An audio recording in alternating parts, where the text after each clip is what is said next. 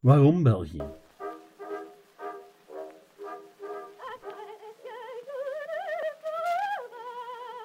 Welkom bij Waarom België. Dit is aflevering 6, de eerste Belgische revolutie. Uh, die eerste en Belgische, ja, dat staat tussen haakjes. Want we hebben vandaag wel over een revolutie, een Belgische revolutie, maar niet over de Belgische revolutie. Dus niet over de revolutie van 1830, waar we ooit, ik zweer het, gaan geraken maar over iets anders dat je technisch gezien ook wel een Belgische revolutie kunt noemen. En het is heel boeiend en redelijk relevant voor weten waarom van België wil achterhalen. Ook al hebt u er waarschijnlijk nog nooit van gehoord. Welkom! Laat mij beginnen met te vertellen dat ik heel lang heb nagedacht over deze aflevering. Nu denk ik over elke aflevering wel wat na, maar ja, dit is wel een uitzondering. Geloof het of niet, maar ik waak er over het algemeen over om u niets te vertellen dat u niet horen moet. En ik wist dus niet hoeveel aandacht ik besteden moest aan het volgende onderwerp. Zijnde de Brabantse omwenteling en de Verenigde Nederlandse Staten. Ja, ik ga ervan uit dat u daar nooit van gehoord heeft. Dat is geen probleem, dat geldt voor de overgrote meerderheid der Belgen. Uh, wat was nu de Verenigde Nederlandse Staten? Wel, dat was een onafhankelijke staat die zowat twee derde van het grondgebied van het huidige België besloeg. En je hebt er nooit van gehoord, omdat ze minder dan een jaar bestaan heeft. Van januari tot december 1790 om precies te zijn. En toch, en toch is dat een belangrijk moment in de pre-Belgische geschiedenis. En goed, ik ga ervan uit dat uw geschiedenisleerkracht, net als de mijne, dat hele gebeuren simpelweg heeft overgeslaan of er niet meer dan een zin aan gewijd zal hebben. Dus zat ik e- eventjes geleden met de essentiële vraag of ik hetzelfde zou doen. U weet wel, er snel overgaan in één simpel zinnetje. Ik had het zinnetje zelf, zelfs al geschreven. Um, het ging als volgt. De revolutie tegen de hervorming van Jozef II was een prelude tot de Belgische revolutie. In die zin dat ze gelijkaardige oorzaken had, maar niet kon slagen door gebrek aan onderlinge samenhang en buitenlandse steun. En ja, dat is de samenvatting van deze aflevering. Ik geef het eerlijk toe. In theorie kan u de rest van deze aflevering overslaan als u dat zinnetje maar gewoon in uw achterhoofd houdt. En dan kan u volgende week gewoon mee als we het over Napoleon en dergelijke gaan hebben. En toch ga ik een hele aflevering wijden aan een periode die ik in drie zinnen heb kunnen samenvatten. Ten eerste, ja, het is echt relevant voor ons verhaal. Want de motivatie voor deze revolutie, ja, die is eigenlijk gewoon als hetzelfde als voor die van 1830. En ten tweede, het is een heel leuk en boeiend verhaal. En ten derde, ja, ik ben mijn eigen baas. Er is geen eindredacteur die vraagt: Zeg, Tim, is dat nu echt wel nodig? Het antwoord is, en dat weet u wel, nee. Maar ik ga het wel doen. Voor we aanvatten nog iets kleins over de titel van deze aflevering. Eh, de eerste Belgische revolutie, ja, daar zijn duidelijk aanhalingstekens, want dat is een problematische titel. Maar daarover later meer. Oké, op het einde van de vorige aflevering Hadden de Oostenrijkers het bewind overgenomen in de zuidelijke Nederlanden, had er zeker Jozef II een hele rits moderne hervormingen doorgevoerd. Hervormingen die de macht van de steden, de kerk en de adel, dus ja, de traditionele elite, aantasten. En verlies van macht, ja, dat leidt wel eens vaker tot revolutie. Revoluties gaan nu eenmaal om macht. Wie macht heeft en wie niet. Nu, voor we de echte revolutie door de straten laten denderen, moeten we eerst eens kijken wie er de macht aan het verliezen was in de Oostenrijkse Nederlanden en wie ze wou. Nu, dit overzicht heeft veel weg van het overzicht dat je kreeg in de geschiedenislessen over de situatie in Frankrijk vlak voor de Franse Revolutie. Um, er is een plaatje dat alle geschiedenisleerkrachten gebruiken. Um, dat van een arme boer hebben op zijn rug een edelman en een priester. Oftewel, de drie standen. De priester die voor het geestelijke heil zorgde, de adel die het land verdedigde en de rest die ervoor zorgen moest dat 1 en 2 voldoende te eten kregen. Dat is kort de bocht, want tegen de 18e eeuw ja, bestond die derde stand al lang niet meer enkel uit boeren, maar ook uit arbeiders, ambachtslieden, kooplieden, advocaten, dokters en dergelijke meer. En in wat ooit ons Belgeland worden zou, waren in de eerste plaats nog steeds de standen die de macht hadden. Al verschilden de verhoudingen wel van regio tot regio. In Vlaanderen had je veel welstellende boeren, terwijl in Brabant en Henegouwen de adel al het land had. En ja, de kerk was natuurlijk ook nog die had ook heel veel grond in bezit. En grond, daar draaide het nu eenmaal om in ja, een agrarische economie, een landbouweconomie. En de derde stand, die had zich wel georganiseerd, maar in eerste plaats in gildes. En die gildes die hadden wortels in de middeleeuwen. In de middeleeuwen sloten ambachtslieden binnen een bepaalde sector akkoorden af, binnen een gilde. En die akkoorden hielden minimumprijzen in, pensioenen voor weduwen, loonafspraken en zo verder. Allemaal zaken die de concurrentie tegengingen en tegelijkertijd niet heel populair waren bij de overheid. Want ja, het was wel een rem op de economische ontwikkeling. Een beetje zoals sommige politieke partijen dat vandaag zeggen voor de vakbond. U kan het daarmee vergelijken. Desondanks was de bevolking wel toegenomen in de 18e eeuw.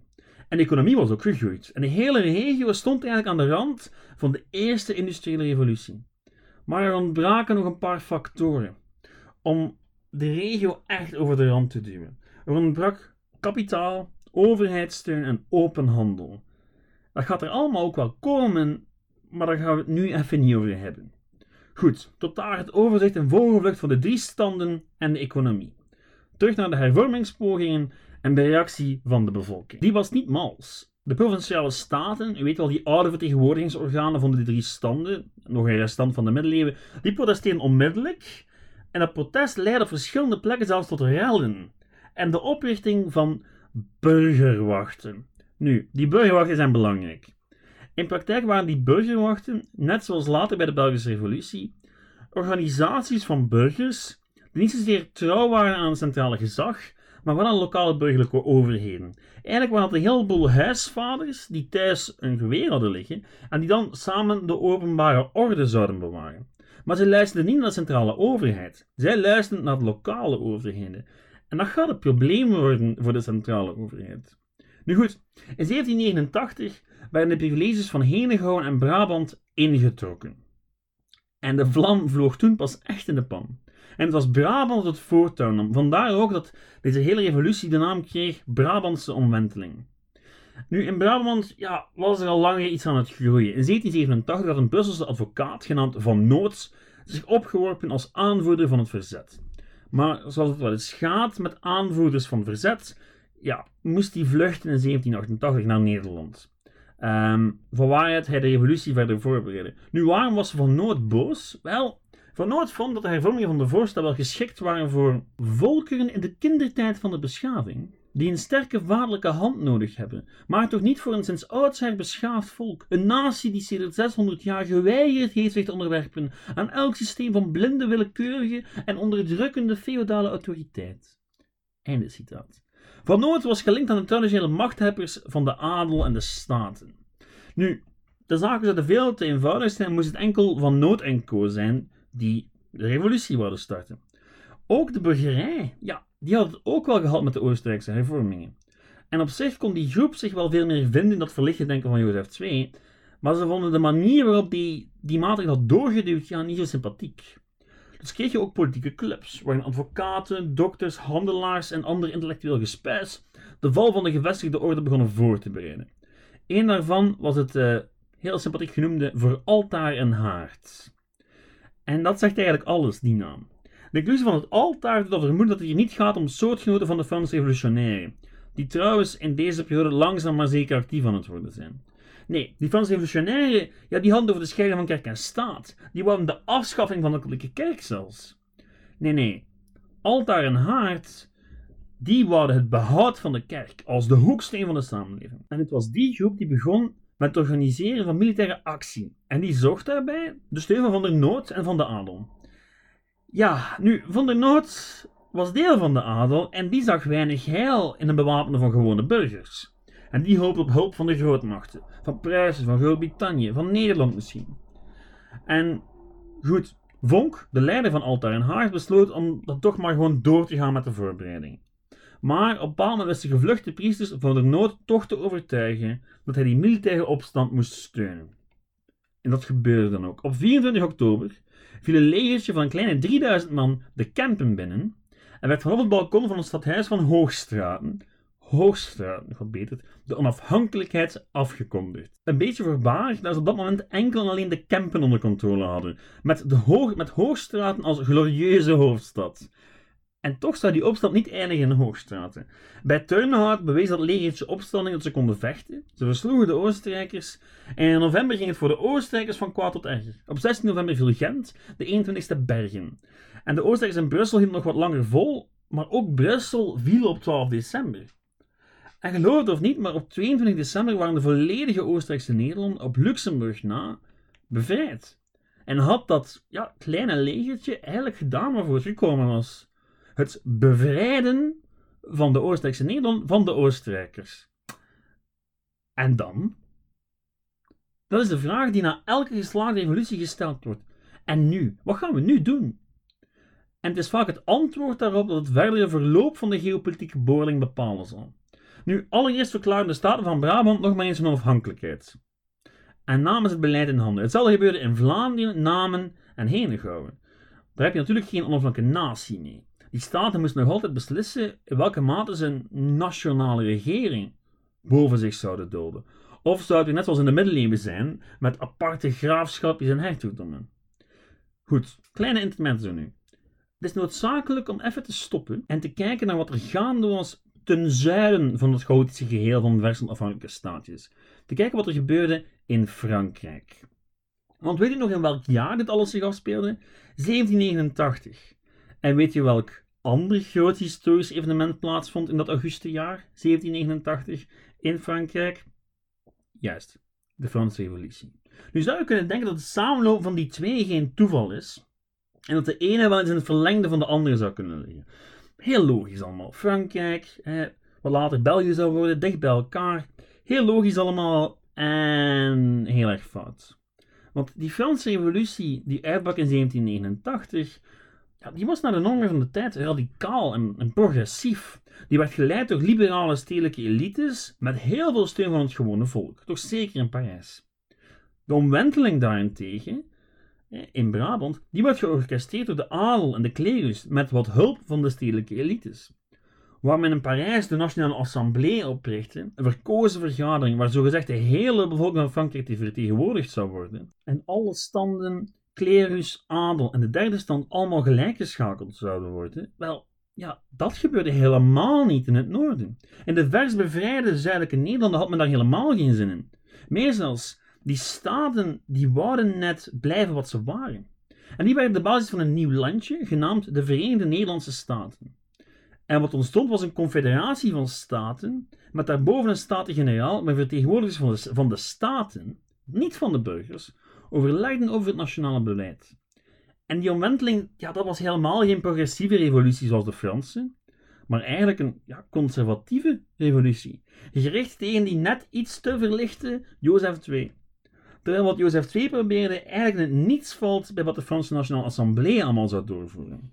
Goed, die korte excursus laat alleen om duidelijk te maken dat de revolutie niet per se progressief moest zijn. En dat de Brabantse omwenteling dat zeker niet was. Trouwens, nu we toch bezig zijn, laten we daar nog een tweede excursus aan toevoegen. In Luik was er ook een revolutie uitgebroken. Want, ja, waarom niet? Want in Luik was het de burgerij, de lagere geestelijkheid en de adel die samenkwam en de prinsbisschop wist buiten te kuisen, om er een voorlopig onafhankelijk bewind te installeren. Eh, dat doet er even helemaal niet toe, maar je kan maar beter in je achterhoofd houden voor wat er komt. Terug, eindelijk, naar ons verhaal. Op 11 januari werd uiteindelijk de oprichting van de Verenigde Nederlandse Staten bekendgemaakt. Of zoals de kerstvastenstaat ook al genoemd werd, de Verenigde Belgische Staten. België lijkt dus heel dichtbij te zijn, als je het zo bekijkt. En mijlen ver af. Want ja, laten we eerlijk zijn, dit was geen soevereine staat. Hè. Dit was een bondgenootschap van staatjes met een gemeenschappelijk congres. Een congres waarvan de leden, net zoals met de Staten-Generaal destijds, door de staten en dus de standen verkozen werden en niet door de burgers. En toeval of niet, waren die vertegenwoordigers in het congres toch niet exact dezelfde als in de Staten-Generaal zeker? En ja, dat congres had ook maar enkele bevoegdheden. Het leger, buitenlands beleid en de munt. En dat was het dan ook. Goed, Terug naar de belangrijkste figuur in het hele verhaal. De enige minister in deze regering was onze oude vriend Van der Noot. En er was ook nog een geestelijke genaamd Van Eupen die staatssecretaris was. Het beleid van de regering was opgericht om alles toch maar vooral te laten zoals het was en het land zeker niet over te leveren aan, en ik citeer, Franse toestanden. Waarbij men dan, ja, absurde zaken zoals vrijheid, gelijkheid en broederlijkheid zou beginnen nastreven. Stel u voor. De staten en de standen Nee, die moesten gevrijwaard worden, die moesten beschermd worden. Dat de republiek zo conservatief was geworden, ja, was niet de zin van de democraten. De democraten die, herinnert u zich nog, de militaire opstand in gang hadden gestoken. Vonk en co. En die wilden wel enkele democratische hervormingen doorvoeren, maar ja, ze liepen tegen heel wat weerstand van de pers, de kerk en de overheid die ze zelf aan de macht hadden geholpen. De vonkisten, die een grondwet en een verkozen parlement wouden, die waren vooral populair onder de burgerij. Het gevolg was politieke strijd. Ja, politieke strijd in een staat die uiteindelijk maar negen maanden bestaan heeft. Ehm, maar er was dus al heel snel potentieel voor een burgeroorlog. Het is heel boeiend dat een staat die ontstaat na een revolutie in oktober, in februari al op de rand van een burgeroorlog staat. Erg boeiend allemaal. Maar waar zit Oostenrijk? Want Oostenrijk, ja, die was dus eigenlijk in Nederland nog niet uit het oog verloren, maar die onderging op 20 februari zelf een belangrijke transformatie. Geen revolutie, maar wel een nieuwe vorst. Want Jozef II die legde het loodje en zijn broer Leopold die volgde hem op. En Leopold, ja, die was een stuk meegaander dan zijn broer. Die stond een compromis voorstellen aan de Staten-Generaal, gaf toe aan heel wat eisen. En de Staten-Generaal, die weigerde. De Von Kisten, die waren boos, want die zagen het als een compromis. Want zo hadden ze misschien toch nog tot een parlementaire democratie kunnen komen. Nu, Van der Noot ja, die hadden dezelfde berekening gemaakt en net daarom besloten het hele voorstel af te schieten. Want voor hen was een parlementaire democratie net wat ze wilden vermijden. Gevolg: rellen. Rellen in Brussel, rellen in heel het land. En een staat, ja, normaal gezien, roept hij dan het leger. Maar dat leger stond nog steeds onder controle van de generaal die de Kempen had veroverd in oktober. En dat was een vonkist. Dus wisten niet goed wat te doen. Nu, uiteindelijk wisten, die wisten de mensen van de nood wel de bovenhand te halen. Door een combinatie van propaganda, gewapend ingrijpen, wist men die von Kisten buiten te gooien. En waren de von Kisten dus op minder dan een jaar tijd van banneling naar bevrijder gegaan en terug. Aan het hoofd van het leger stond ondertussen een Pruisische generaal, maar die slaagde er niet in om de laatste door de Oostenrijkers bezette provincie Luxemburg te heroveren. Nu, nog even over die Oostenrijkers. Um, Waar zaten die eigenlijk? Zoals wel vaker in de Belgische geschiedenis laat dit zich verklaren door de Europese context. Specifiek de rivaliteit tussen de Pruisen en de Oostenrijkers. Die Pruisen die hadden eigenlijk Nederland gebruikt als drukmiddel tegen Oostenrijk bij onderhandelingen. En die hadden ze wat laten uitschijnen dat ze die arme Belgiërs eventueel wel wouden steunen indien nodig. Dat, enkel dat, gewoon de dreiging van de Pruisen, had de Oostenrijkers weerhouden. Tot 27 juli. Dus door de Pruisen en Oostenrijk een overeenkomst en had keizer Leopold eindelijk de vrije hand. In juli 1790. En het einde van de republiek hing toen echt wel in de lucht. Dat werd nog duidelijk op een conventie in Den Haag. Dus Groot-Brittannië, Nederland en Pruisen gewoon even ja, de voorwaarden voor het neerslaan van de opstand doorliepen. En dat was het dan ook. Langzaam maar zeker, van augustus tot december, viel de republiek aan de Oostenrijkse troepen en moesten alle leiders van de nooit heel glorieuze republiek het land ontvluchten. En daar eindigt het verhaal van de Verenigde Nederlandse Staten. Maar niet de aflevering. Nog niet. Want wat moeten we hier nu eigenlijk van onthouden? Is er iets in de geschiedenis van deze bijna doodgeboren republiek dat helpt verklaren waarom België 40 jaar later zou ontstaan? Ik denk van wel. Het resultaat van de revolutie, ja, die doet er helemaal niet toe. Want het was ook echt wel een nuloperatie. Maar was ze nu echt een voorbode van de Belgische Revolutie? En mag ik deze aflevering de titel geven: De Eerste Belgische Revolutie? Als je het mij vraagt, ja en nee, maar uiteindelijk toch vooral nee. Er zijn drie belangrijke gelijkenissen. Eén, dat was de revolutie tegen een buitenlandse vorst die van bovenaf hervormingen probeerde door te voeren en weinig rekening hield met de fijngevoeligheden van zijn Zuid-Nederlandse onderdanen. Twee, beide revoluties vonden plaats in min of meer hetzelfde gebied, Luik uitgezonderd altijd leuk uitgezonderd. 3. De beslissingen van buitenlandse mogendheden waren doorslaggevend om het uiteindelijke lot van de gille natiestaatjes te bepalen. Dit zijn allemaal dingen die we zullen zien terugkeren als we het over de Belgische Revolutie hebben. Het zijn ook zaken die in vorige afleveringen al aan bod kwamen. De zuidelijke Nederland als speelbal van grootmachten, lokaal verzet tegen centralisering en dat alles eeuwenlang in hetzelfde geografische gebied. Niets nieuws onder de zon. Maar wat is dan het verschil met de eigenlijke Belgische revolutie? De inhoud. In realiteit werd die omwenteling al vlug een conservatieve revolutie, die van enige echte verandering niet weten wou. De revolutie in 1830 ja, dat was toch een stuk progressiever. En die was ook echt Belgisch te noemen. Want ja, de Oostenrijkse Nederlanden kwamen dan wel collectief in opstand, maar na afloop was er van de nationale regering nog geen sprake. Ik bedoel, één minister en één staatssecretaris. Ja, bedoel, een echte regering is dat niet. En al zeker niet in België. Daarom dat we spreken van de Verenigde Nederlandse Staten en niet gewoon over de Verenigde Nederlanden. De macht lag bij de staten en niet bij de burgers. En mensen waren in de eerste plaats nog steeds Vlamingen of Brabanders in plaats van Belgen. Tussen de omwenteling en de Belgische Revolutie liggen 40 jaar. 40 jaar waarin die lokale identiteiten afgebroken worden en er zich een nationale identiteit gaat vormen. En 40 jaar waarin de Belgische burgerij een stuk belangrijker en progressiever gaat worden dan voorheen. In de volgende aflevering slaan we die weg in en gaan we kijken hoe de Franse revolutie ook de ondertussen weer Oostenrijkse Nederlanden bereikt en wat de gevolgen daarvan zijn. Dat is voor volgende week voor aflevering 7 al. Wow.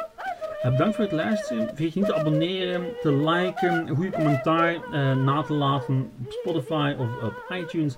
Helpt allemaal. Veel bedankt voor het luisteren en tot de volgende keer. Bye!